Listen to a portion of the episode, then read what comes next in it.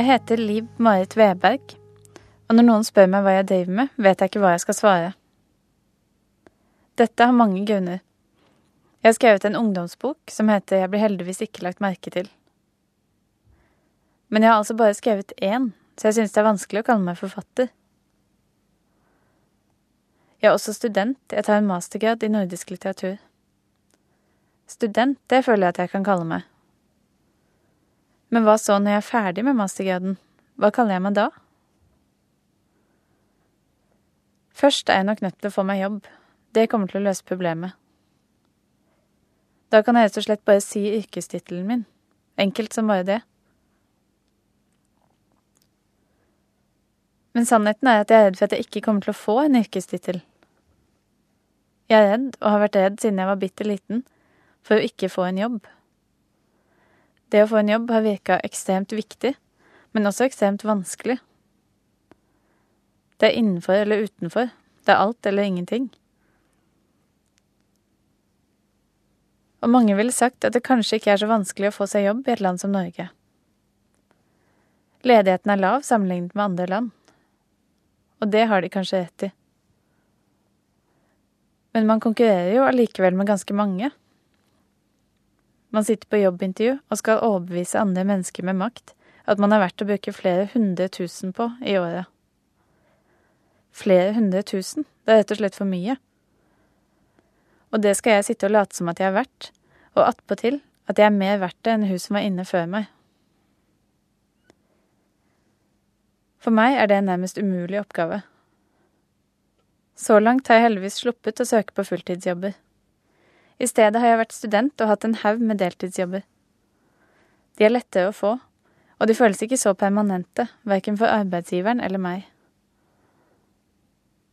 Men de skremmende fulltidsjobbene kommer nærmere for hver dag som går. Snart leverer jeg master, og da har jeg rett og slett ingen unnskyldning lenger.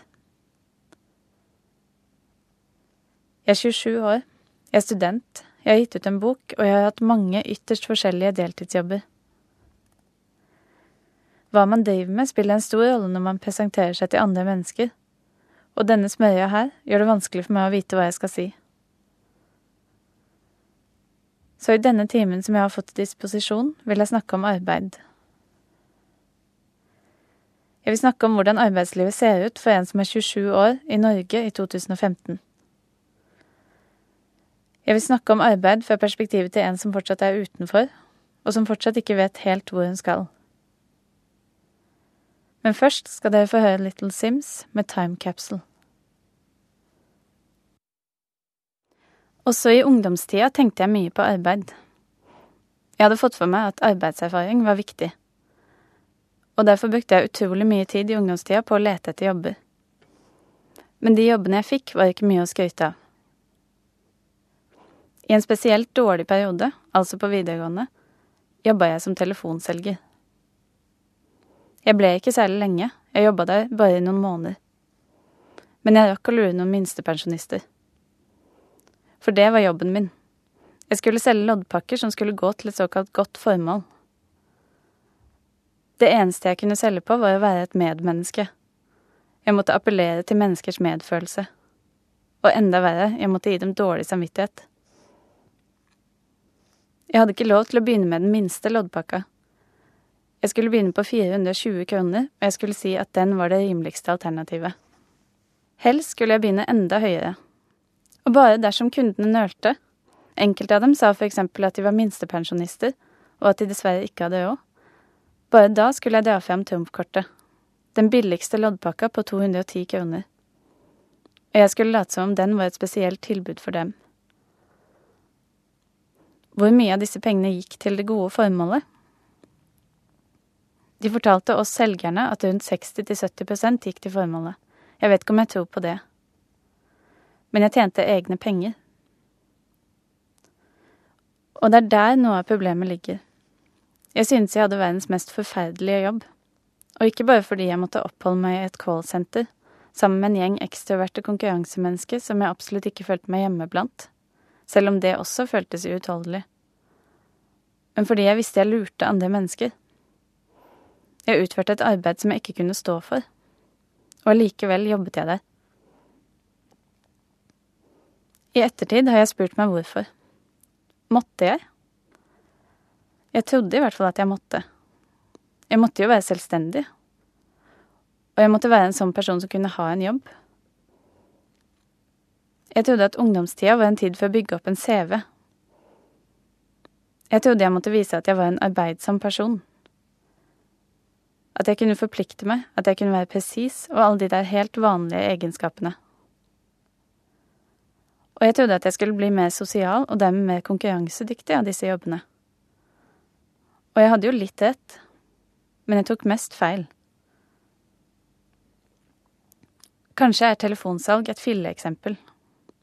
I enkelte yrker har arbeidstakeren direkte innvirkning på andre menneskers liv. Og det eneste de kan gjemme seg bak, er 'men jeg gjør bare jobben min'. Er det virkelig en unnskyldning?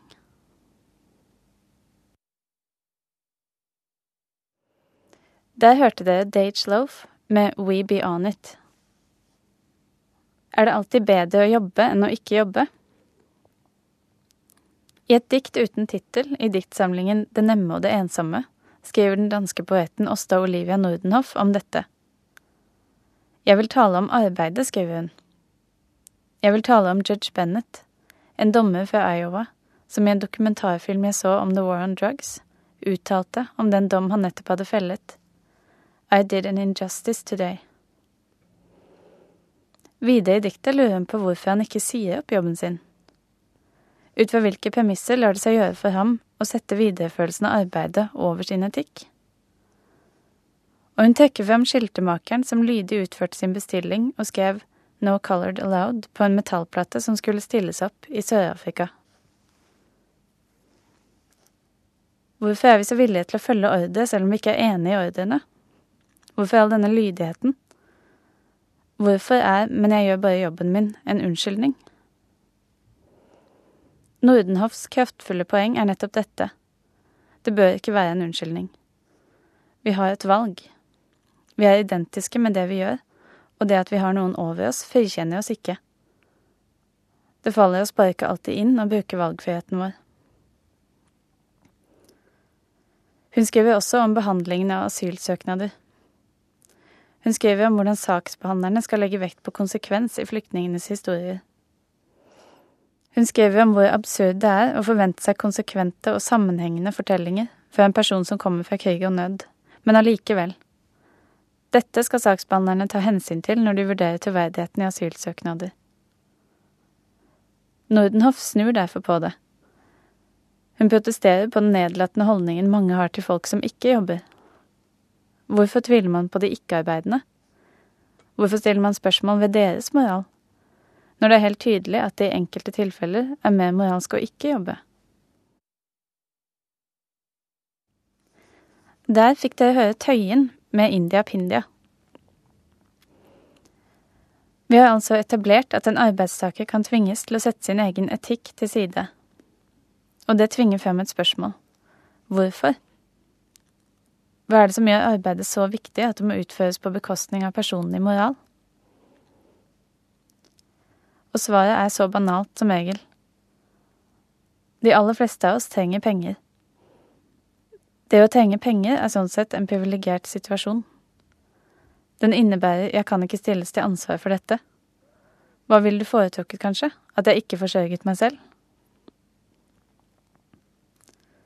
For meg har penger absolutt vært en viktig drivkraft. Jeg må betale husleia. Jeg har ikke noe valg. Jeg har fått meg utallige jobber på å være desperat. I en sånn situasjon er jeg tross alt villig til å ta alt. Jeg er til og med kanskje villig til å ljuge om hvor egna jeg er til akkurat denne jobben. Jeg snakker ikke om falskt vitnemål, så langt går jeg ikke. Men for meg innebærer ethvert jobbintervju en viss porsjon av løgn. Ja, jeg takler stress kjempegodt. Jeg er utrolig tilpasningsdyktig. Jeg er selvstendig og flink til å samarbeide. Jeg er kjempeutadvendt. Jeg er rett og slett ikke utadvendt. Det å ikke være utadvendt betyr ikke at man er uegnet for arbeidslivet. Absolutt ikke. Det betyr ikke nødvendigvis at man er dårlig til å kommunisere. Det kan bety at man er litt bedre på å kommunisere i små grupper enn i store. Det kan bety at man syns det er lettere å snakke med én person enn å stå foran folk. Og det kan bety at man ikke liker så godt å gå på byen. Og allikevel er sosial eller utadvendt egenskaper som arbeidsgivere ofte leter etter. Uvisst av hvilken grunn. Så det er sjelden jeg kan sitte på et jobbintervju og være dønn ærlig. Jeg skal tross alt selge meg selv, og å være en god selger innebærer som regel ikke å være ærlig. Jeg tror jeg alltid har sett for meg arbeidslivet omtrent som en eggekartong. Det har så og så mange plasser, og arbeidstakeren må liksom bare hoppe oppi et ledig hull og fylle det fullt og helt. Og jeg er alltid redd for at jeg ikke skal passe inn i noen av hullene. Nå er ikke eggekartong et veldig godt bilde på arbeidsmarkedet.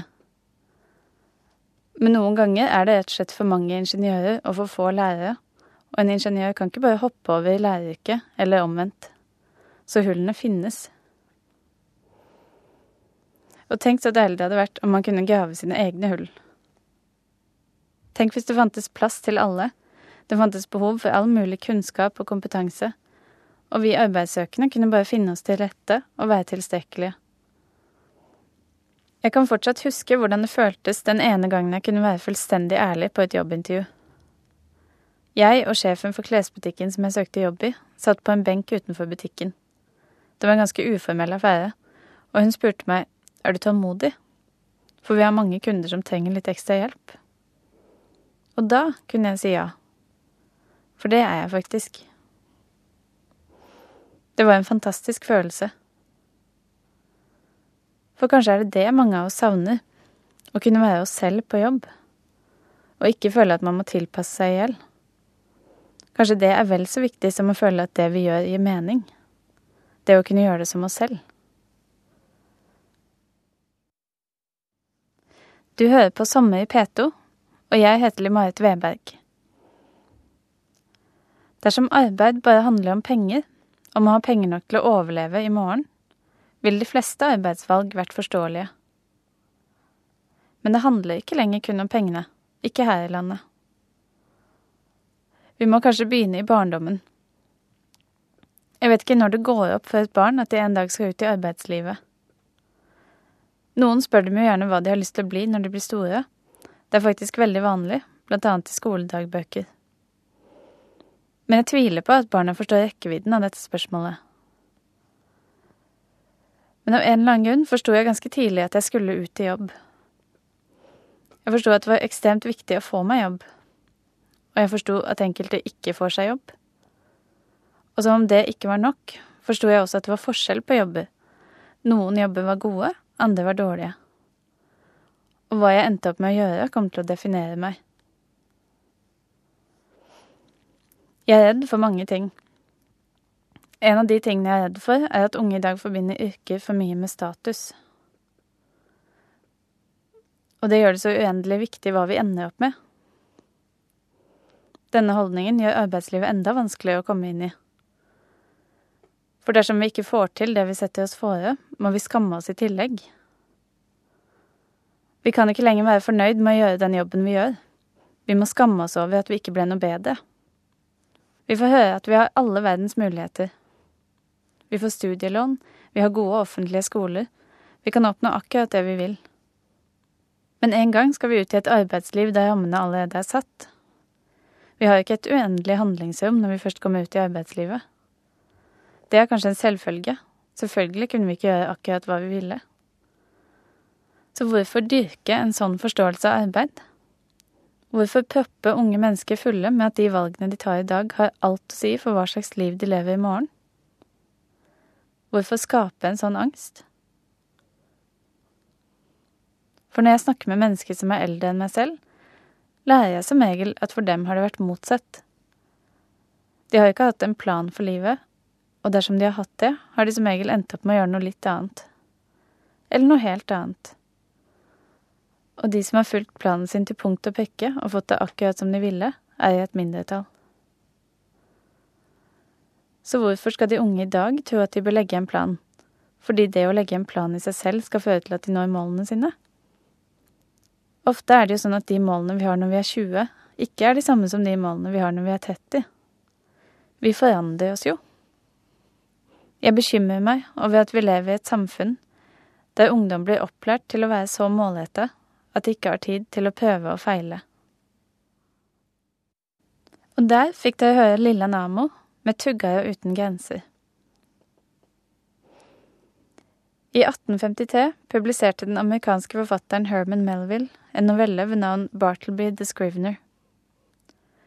Herman Melville er kanskje aller mest kjent blant norske lesere for Moby Dick.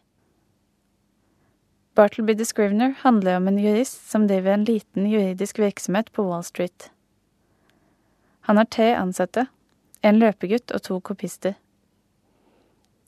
Kopistene jobber med å skrive kopier av juridiske dokumenter. En jobb som har vært rimelig kjedelig og rutinepreget. På grunn av større arbeidsmengde ansetter han en kopist til, nemlig Bartleby. Bartleby er så rolig og fattet at det grenser til desinteresse. Men sjefen tenker at han vil være en god motvekt til de to svært temperamentsfulle kopistene han allerede har. Bartleby begynner bra.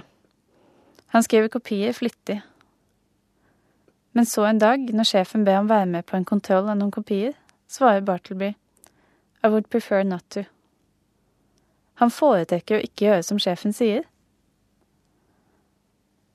Sjefen blir perpleks, og av at denne atferden er så uvant hos en arbeider, lar han det gå. Han vet rett og slett ikke hvordan han skal forholde seg til det. Men Bartleby fortsetter å si at han foretrekker å slippe. Han gjør det uten å vise tegn til skam, og tilsynelatende uten ønske om å provosere. Han sier bare 'jeg vil ikke'. Han forlater aldri kontoret, han sover til og med der. Men når han får ordre, fortsetter han å si 'I would prefer not to'. Til og med når sjefen etter mye om og men sier ham opp og ber om at han forlater bygningen, sier han 'I would prefer not to'. Han blir værende, og sjefen ser seg nødt til å forlate lokalene selv. Men de nye leietagerne ser seg lei av Bartleby, som nekter å forlate de gamle kontorene. De kaller tilbake hans tidligere sjef, som trygler ham om å finne på noe annet. Han foreslår alle mulige yrker. Er det ikke noe du kan tenke deg å gjøre, spør han Bartleby. Nei, sier Bartleby. For øyeblikket foretrekker jeg å ikke gjøre noen forandring i det hele tatt. Selv om denne novellen er skrevet i 1853, føler jeg at den er like relevant i dag. For Bartlebys merkelige oppførsel er en protest. En stille protest mot en tid preget av voldsom forandring. Undertittelen på novellen er også A Story of Wall Street. Bartleby motsetter seg forandring. Han insisterer på å stå stille.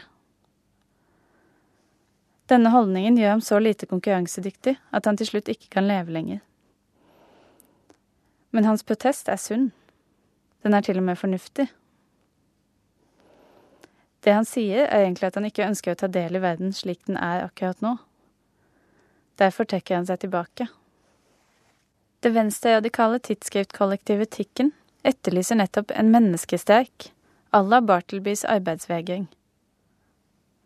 I en tid der alt er arbeid, alt fra å elske til å være foreldre, foreslår de en ny type politisk protest. Nemlig tilbaketrekningen anonymiteten. Det å nekte å delta.